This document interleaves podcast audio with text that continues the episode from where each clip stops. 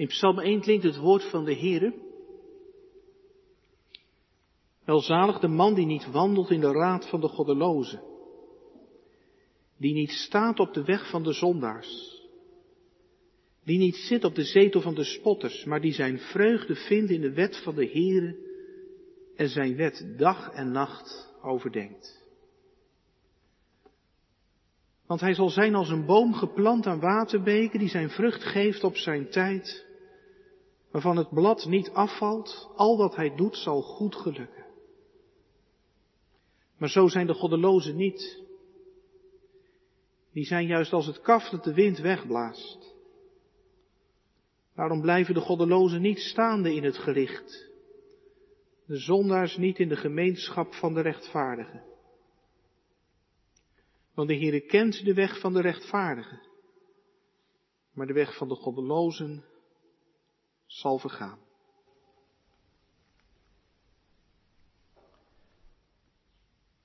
Lees ook Matthäus 7, vers 24 tot 29, dat is het slot van de bergreden.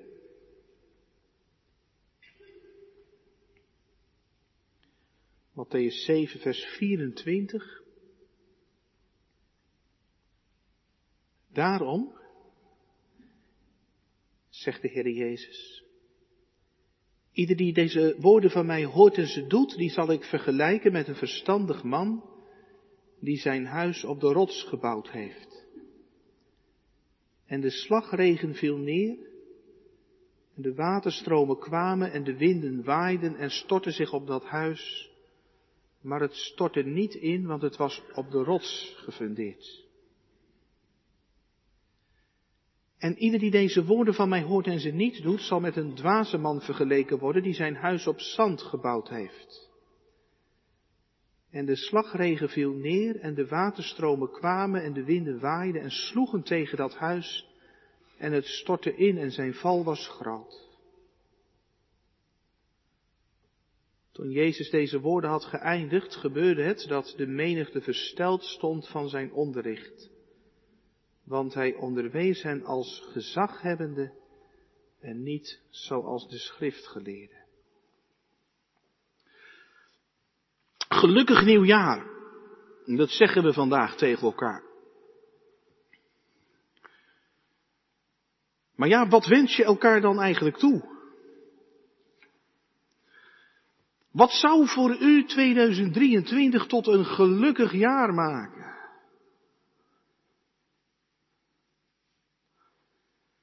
Ik denk dat dat verschilt. Misschien dat iemand denkt, nou stel nou dat ik mijn oudejaarslot, die koopt u natuurlijk niet, had gekocht bij de Primera in Vathorst. En dat ik de gelukkige was geweest en dat ik nou 30 miljoen op mijn rekening had staan. Stel je voor, zeg, dat was even een gelukkig begin geweest van dat nieuwe jaar. Welke reis zou je dan als eerste maken?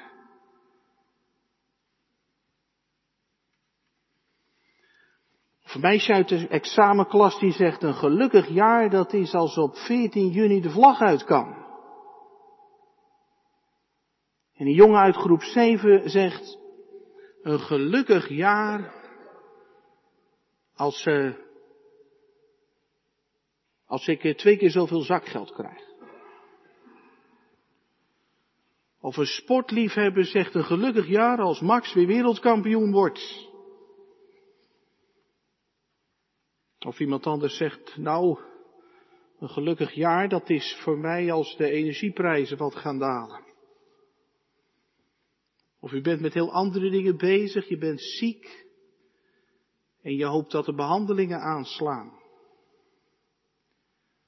Of je werd in het afgelopen jaar gepest en je zegt een gelukkig jaar, als ik nou dit jaar een echte vriend, een echte vriendin ontmoet. Iemand die mij echt ziet. En bij wie ik gewoon mezelf kan zijn en niet hoef te knokken om het te bewijzen.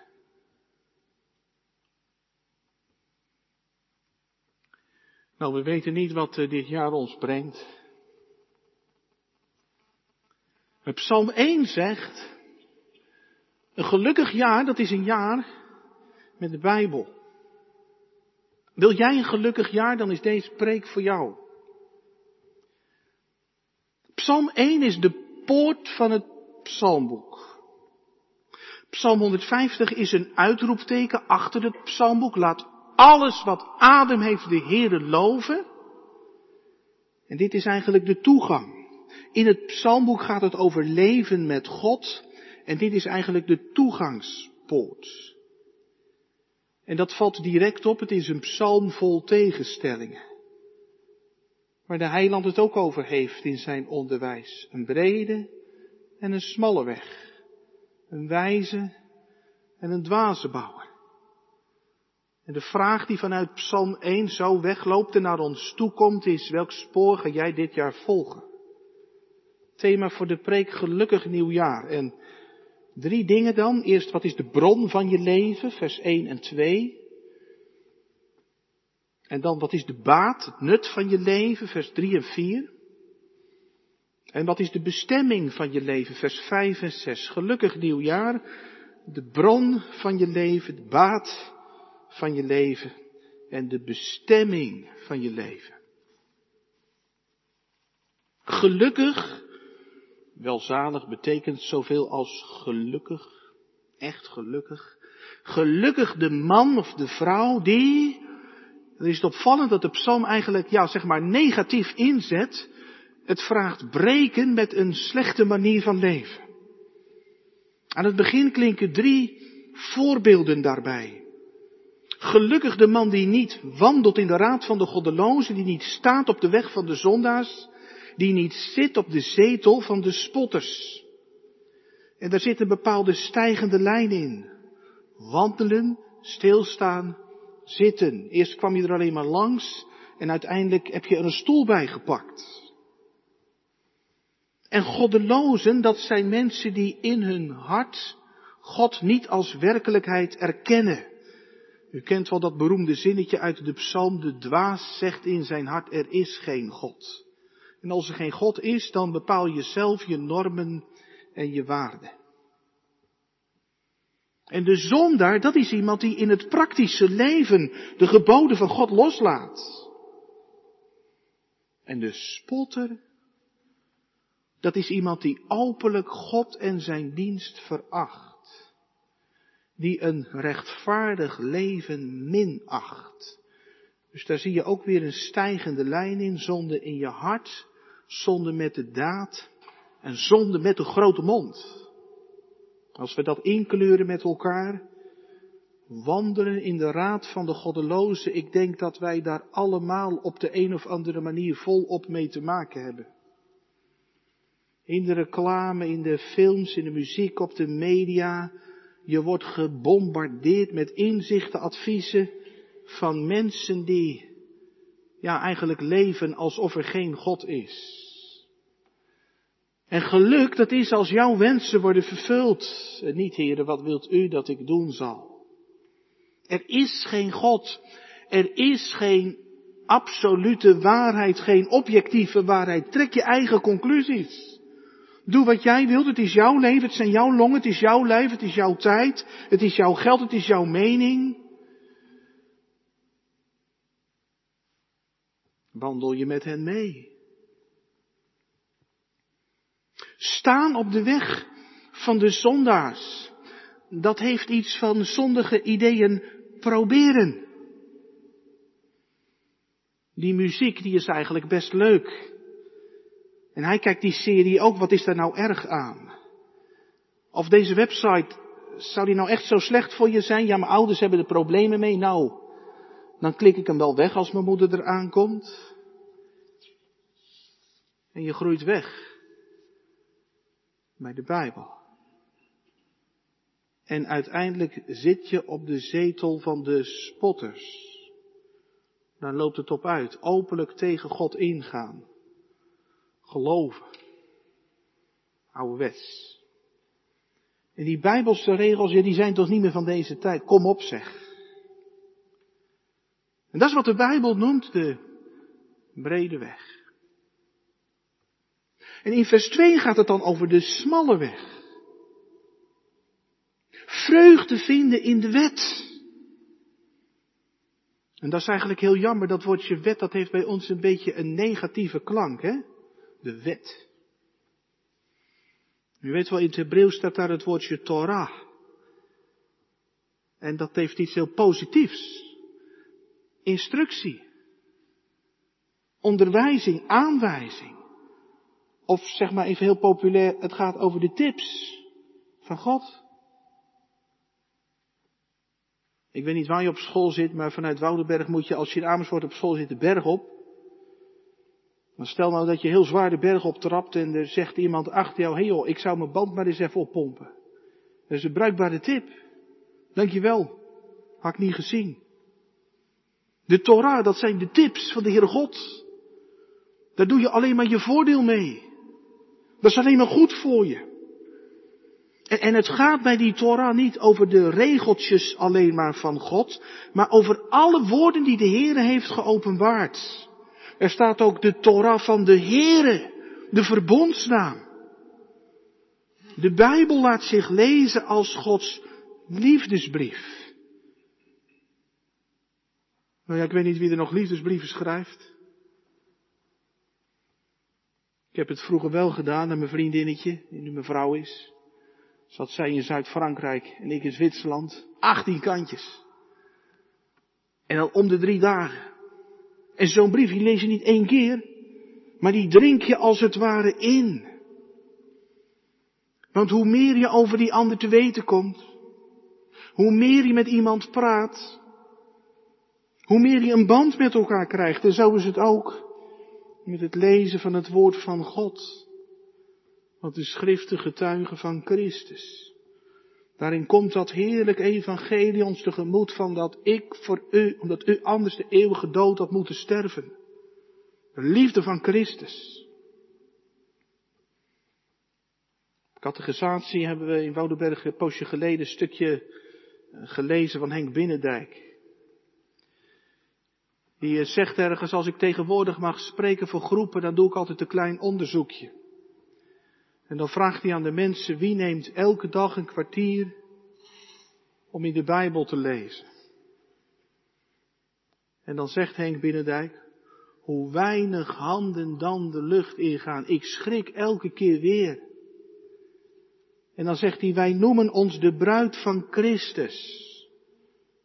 Je zult getrouwd zijn of een partner hebben die niet eens een kwartier per dag de tijd voor jou heeft. En dan gaat hij verder en dan zegt hij, hoe kan iemand christen zijn en weinig tot niks doen met het boek wat we hebben gekregen van God? En dan hoor ik mensen klagen over het geestelijk leven. Ik merk zo weinig van God. Vind het raar? Hoe wil je God leren kennen als je niet eens de tijd neemt om zijn boek te lezen? Nou, die opmerkingen van Henk Binnendijk, die zetten ons op categorisatie best wel aan het denken.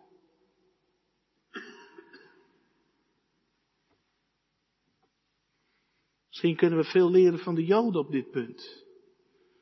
U weet wel, die vieren Simchat Torah, vreugde der wet, dit jaar op 7 en 8 oktober. Er wordt er gevierd dat het volk van God de Torah bezit. Dus de dag waarop in de synagoge het laatste stukje van de Torah gelezen wordt, dan is de Torah uit en dan beginnen ze weer opnieuw. Misschien heb u wel eens een filmpje gezien van hoe orthodoxe Joden feest vieren. Dat gaat er uitbundig aan toe. Muziek, dans, met de Torahrol erbij. Dat kun je niet voorstellen bij ons toch? Dat we de tien geboden hebben gehoord in de zondagmorgendienst. En dat we vervolgens, ja, zeg het eens, in een polonaise door de kerk gaan. Misschien dat ik het nu een beetje oneerbiedig zeg, maar, maar zoiets. Maar als de Torah van de Heere je vreugde is, als je ontdekt over wie het gaat en wie hij voor je wil zijn, dan, dan maak je dat mee. Vandaar dat in de psalm ook staat, hij overdenkt zijn wet dag en nacht. Dag en nacht, dat is nog wat anders dan even lezen. In het staat er een werkwoord en dat betekent zoiets als murmelen, overpijnzen. U weet wellicht dat in de oudheid hardop altijd werd gelezen. Toen de Joden nog steeds En dat zie je ook die kamerling doen uit Ethiopië op die wagen. En hij leest en het gaat over een lam dat ter slachting wordt geleid. En al lezend probeert die kamerheer te vatten, waar gaat dit over? Murmelen, overpijnzen. Ja, misschien kun je denken aan hoe je dat voor school doet, hè, als je Duitse rijtjes aan het stampen bent. Deer, deze, deem, deen, die, deer, deer, die, das, deze, deem, das, die, deer, deen, die. En dan honderd keer achter elkaar. Totdat je het uit je hoofd kent, zodat je het je eigen maakt. En het kunt toepassen als je in Duitsland bent. Darf ich eine tas café?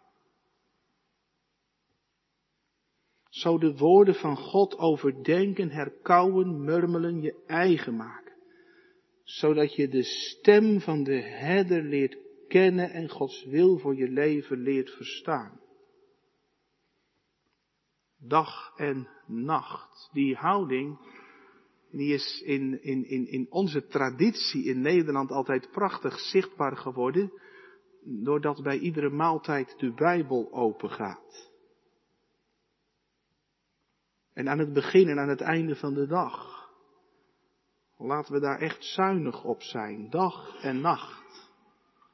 En ik weet niet hoe u dat doet, maar de woorden van God memoriseren zijn wij misschien niet zo gewend. Maar gewoon de woorden van God uit je hoofd leren, zoals je vroeger deed voor de zondagsschool. We hebben dat als gezin een tijdje gedaan. Gewoon elke week een, tekst uit het Bijbelboek Spreuken uit je hoofd leren. Maar goed, dat, dat is weer voorbij en bij het voorbereiden van de preek dacht ik, dat moeten we weer gaan doen. Je de woorden van God eigen maken. Of ik weet niet of dat hier ook zo is. Er zijn gemeentes, daar wordt een weektekst geleerd die zondags ook door de gemeente samen wordt opgezegd. Of uh, misschien uh, heb je wel een, een, nieuw dagboek, nieuw Bijbels dagboek gekregen voor, voor dit nieuw begonnen jaar. Dat is prachtig. Hoe, hoe jonger je daarmee begint, hoe beter om al heel jong de stem van de goede herder te leren kennen. Dat is machtig toch als je je de woorden van de Heere eigen maakt. Als je dan met lood in de schoenen je weg door het leven gaat. Om dan te kunnen grijpen naar het woord van de Heere. Werp al uw bekommernis op Hem, want Hij zorgt voor u. Als je op dat knooppunt staat in je leven. Dat je dan de woorden van de Heere kent waarmee je naar de Heere toe mag gaan. Heere, maak mij uw wegen bekend. Heere, leer mij uw paden, want u bent de God van mijn heil. U verwacht ik de ganse dag. Allen die u verwachten worden niet beschaamd. Twee wegen. En dus niet een derde. Dat is ook iets wat wij misschien een beetje verleerd hebben. Dat je denkt van ja, je hebt natuurlijk mensen die zijn heel serieus. Zijn er heel erg mee bezig. En je hebt aan de andere kant atheïsten. Mensen die spotten. Nou, ik zit ergens daartussenin. Ik vind geloof best wel belangrijk. Maar ja, het zou wel meer kunnen. En, en soms doe ik ook even niks ermee. Maar de Bijbel leert ons om van God uit naar je leven te kijken. En dan zijn er maar twee smaken. Is je leven op God gericht of niet? Welke richting sla je in in 2023? De bron waaruit je leeft. Gaat de psalm een stapje verder. En dan gaat het over het nut, over de baat van je leven. En er komen daar twee beelden uit de landbouw naar voren. Ter aansporing om het woord van God te lezen. Ja, misschien hebt u die aansporing wel helemaal niet nodig. Maar uh, als ik mijn hand in eigen boezem steek en als ik om me heen luister, dan kunnen heel veel mensen die uh, aansporing heel goed gebruiken. En hebben dat hard nodig. Die duw in onze rug. Twee beelden uit de landbouw. De gelovige is als een boom die vrucht draagt en de goddeloze als kaf wat wegwaait. Een gelovige als een fruitboom geplant aan waterbeken. Maakt niet uit of het een droge zomer is of twee of drie droge zomers. Die boom heeft toch zonder onderbreking overvloedig water. Die boom blijft groen en fris. Die boom geeft vrucht. Als je dagelijks put uit de Bijbel, wat voor seizoen het ook is in je leven, wordt je leven mooi, vruchtbaar. En daar komt het op aan. De Heer Jezus is heel kritisch op mensen die beweren dat ze geloven, maar hun leven verandert eigenlijk niet. Hij zegt niet ieder die tegen mij zegt, Heere, Heere, zal ingaan in het koninkrijk van God, maar die daar doet, de wil van mijn Vader die in de hemelen is. Ja, en het maakt nogal uit voor je leven waaruit je put. Ik hoorde een keer een prachtig verhaal over uh, iemand die op de onderste verdieping van een flat woont. En die had een bovenbuurman en die gooide iedere dag vanaf zijn balkon zo hoppa, een vuilniszak naar beneden. Daar staat hij dan op je stoep. En af en toe ook kapot, alle rommel eruit. Wat zou je doen?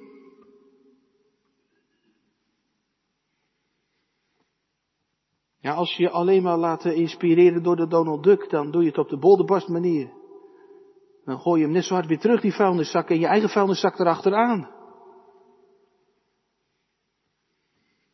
Maar op die onderste verdieping woonde een christen. En die putte uit het woord van God. En zonder één woord te zeggen ruimde hij het keer op keer op. Totdat de bovenbuurman vroeg, hé hey, mafkees, waarom doe je dat eigenlijk? En toen ging het over Christus. En over Johannes 13, weet u wel, de Heer Jezus die neerknielt aan de voeten van zijn discipelen. En zonder mokken een voorbeeld nalaat.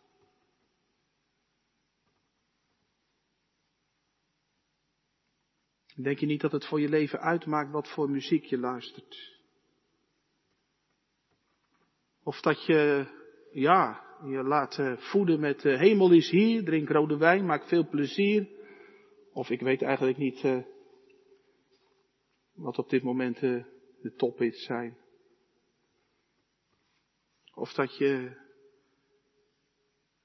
je laat voeden met, Heere, wijs mij uw weg. Heere, leer mij naar uw wil te handelen. Heeft het woord van God uw leven gevormd? Het woord van God is de bijtel en de Heilige Geest is de hamer. En zo worden wij gevormd naar het beeld van Christus. Waardoor wordt jouw denken het meest beïnvloed?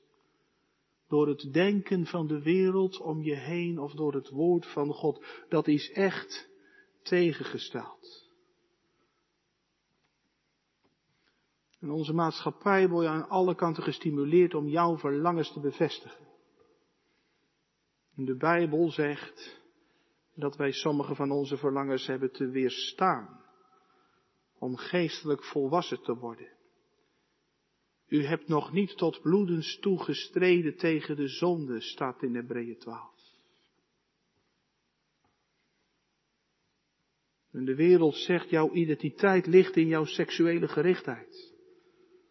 Dat is jouw diepste ik. En de Bijbel zegt Christus. Christus. Dat is jouw identiteit.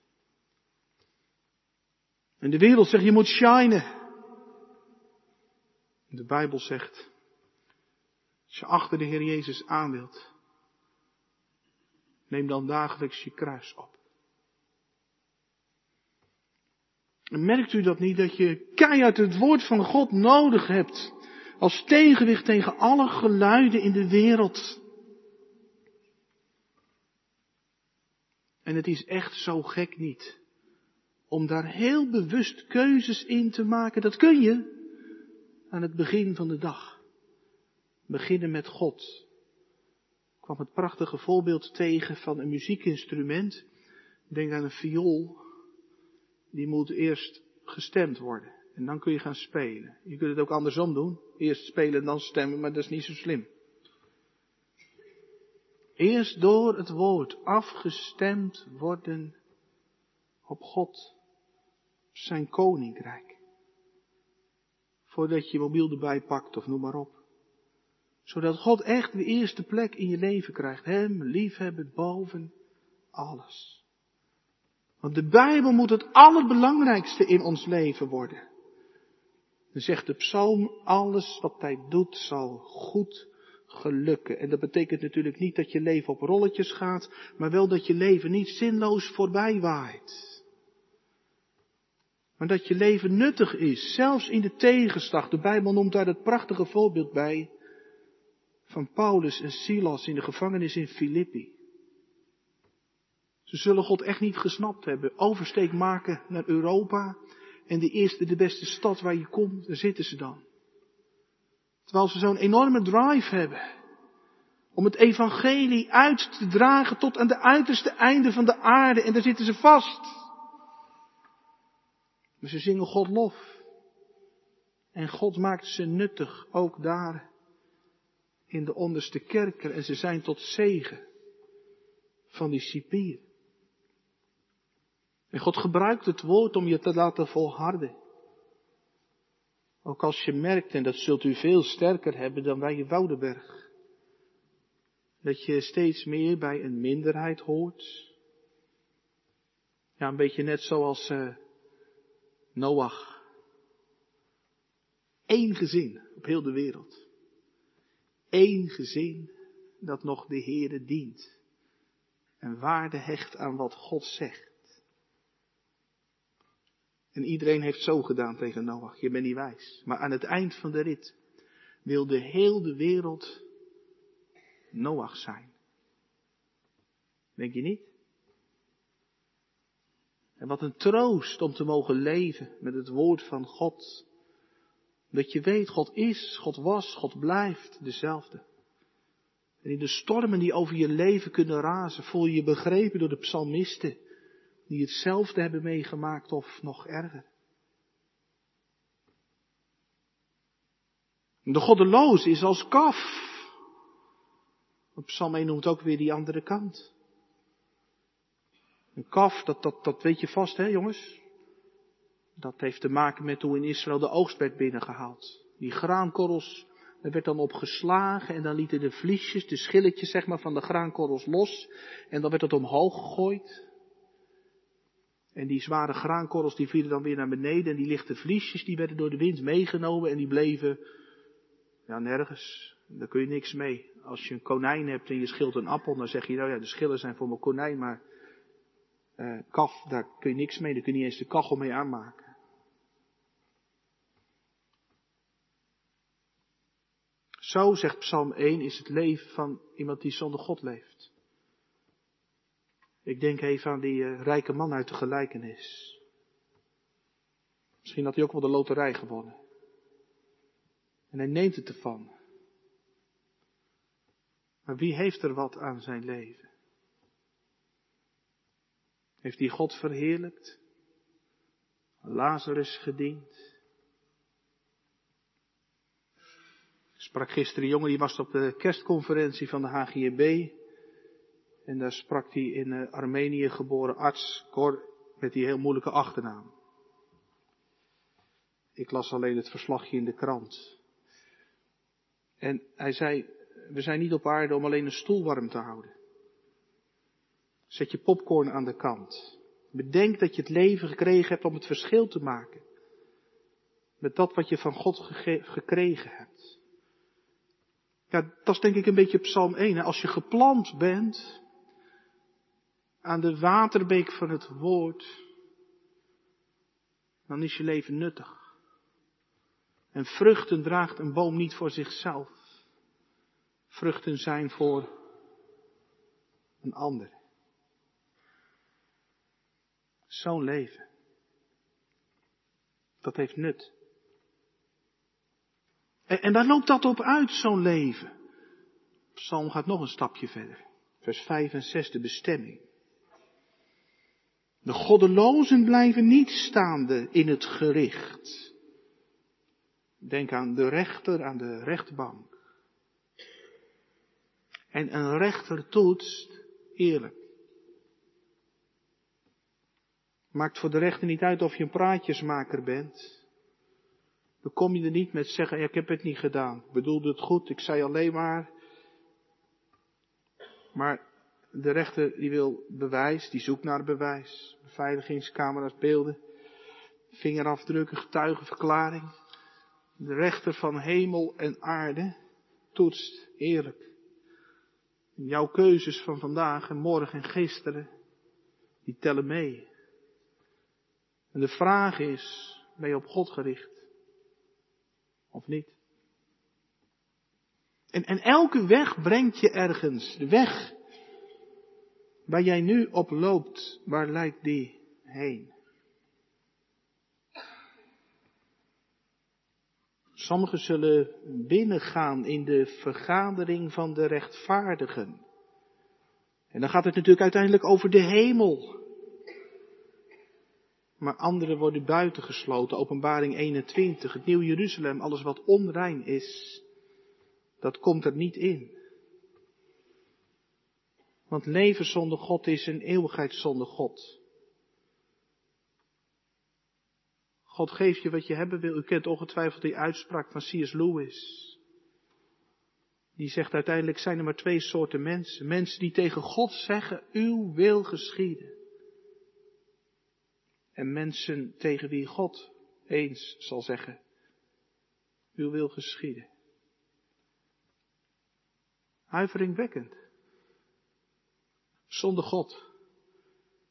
En dan eeuwig zonder God. Ik bid voor mezelf God om moed, om ook in alle eerlijkheid die twee wegen te breken.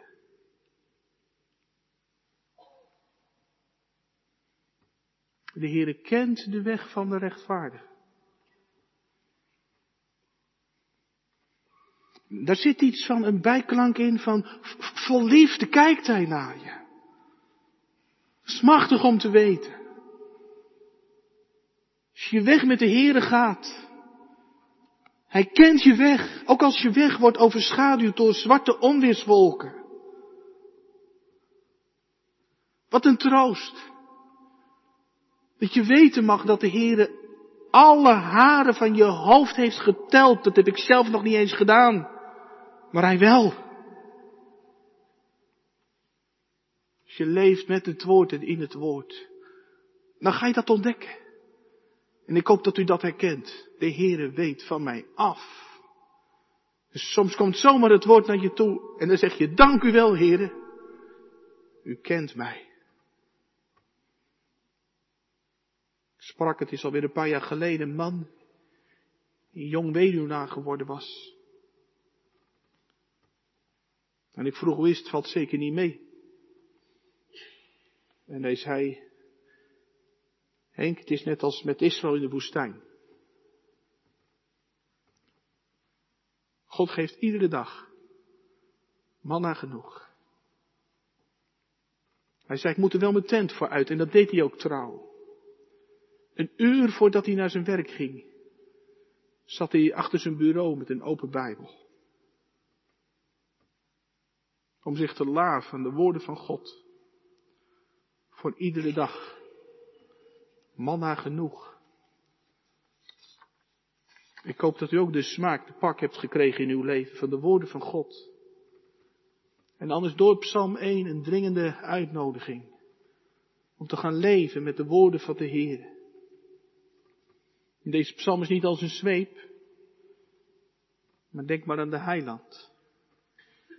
Jezus heeft deze psalm gezongen. Jezus heeft deze psalm geleefd. Hij ging met allemaal mensen om, goddeloze zondaars, spotters, ook vrome zondaars, de fariseeën. Hij liet zich er niet door beïnvloeden. Maar hij vond zijn vreugde in de Torah. Wat zegt hij tegen Maria? Wist u niet dat ik moet zijn in de dingen van mijn vader? En wat was hij een vruchtendragende boom? Want toch is hij uitgestoten uit de gemeente van de rechtvaardigen. Om jou, om u het te brengen. En jaren later draagt deze boom nog steeds vrucht. Komen wereldwijd mensen tot geloof. En vinden hun behoud en hun geluk in Jezus. Dat evangelie.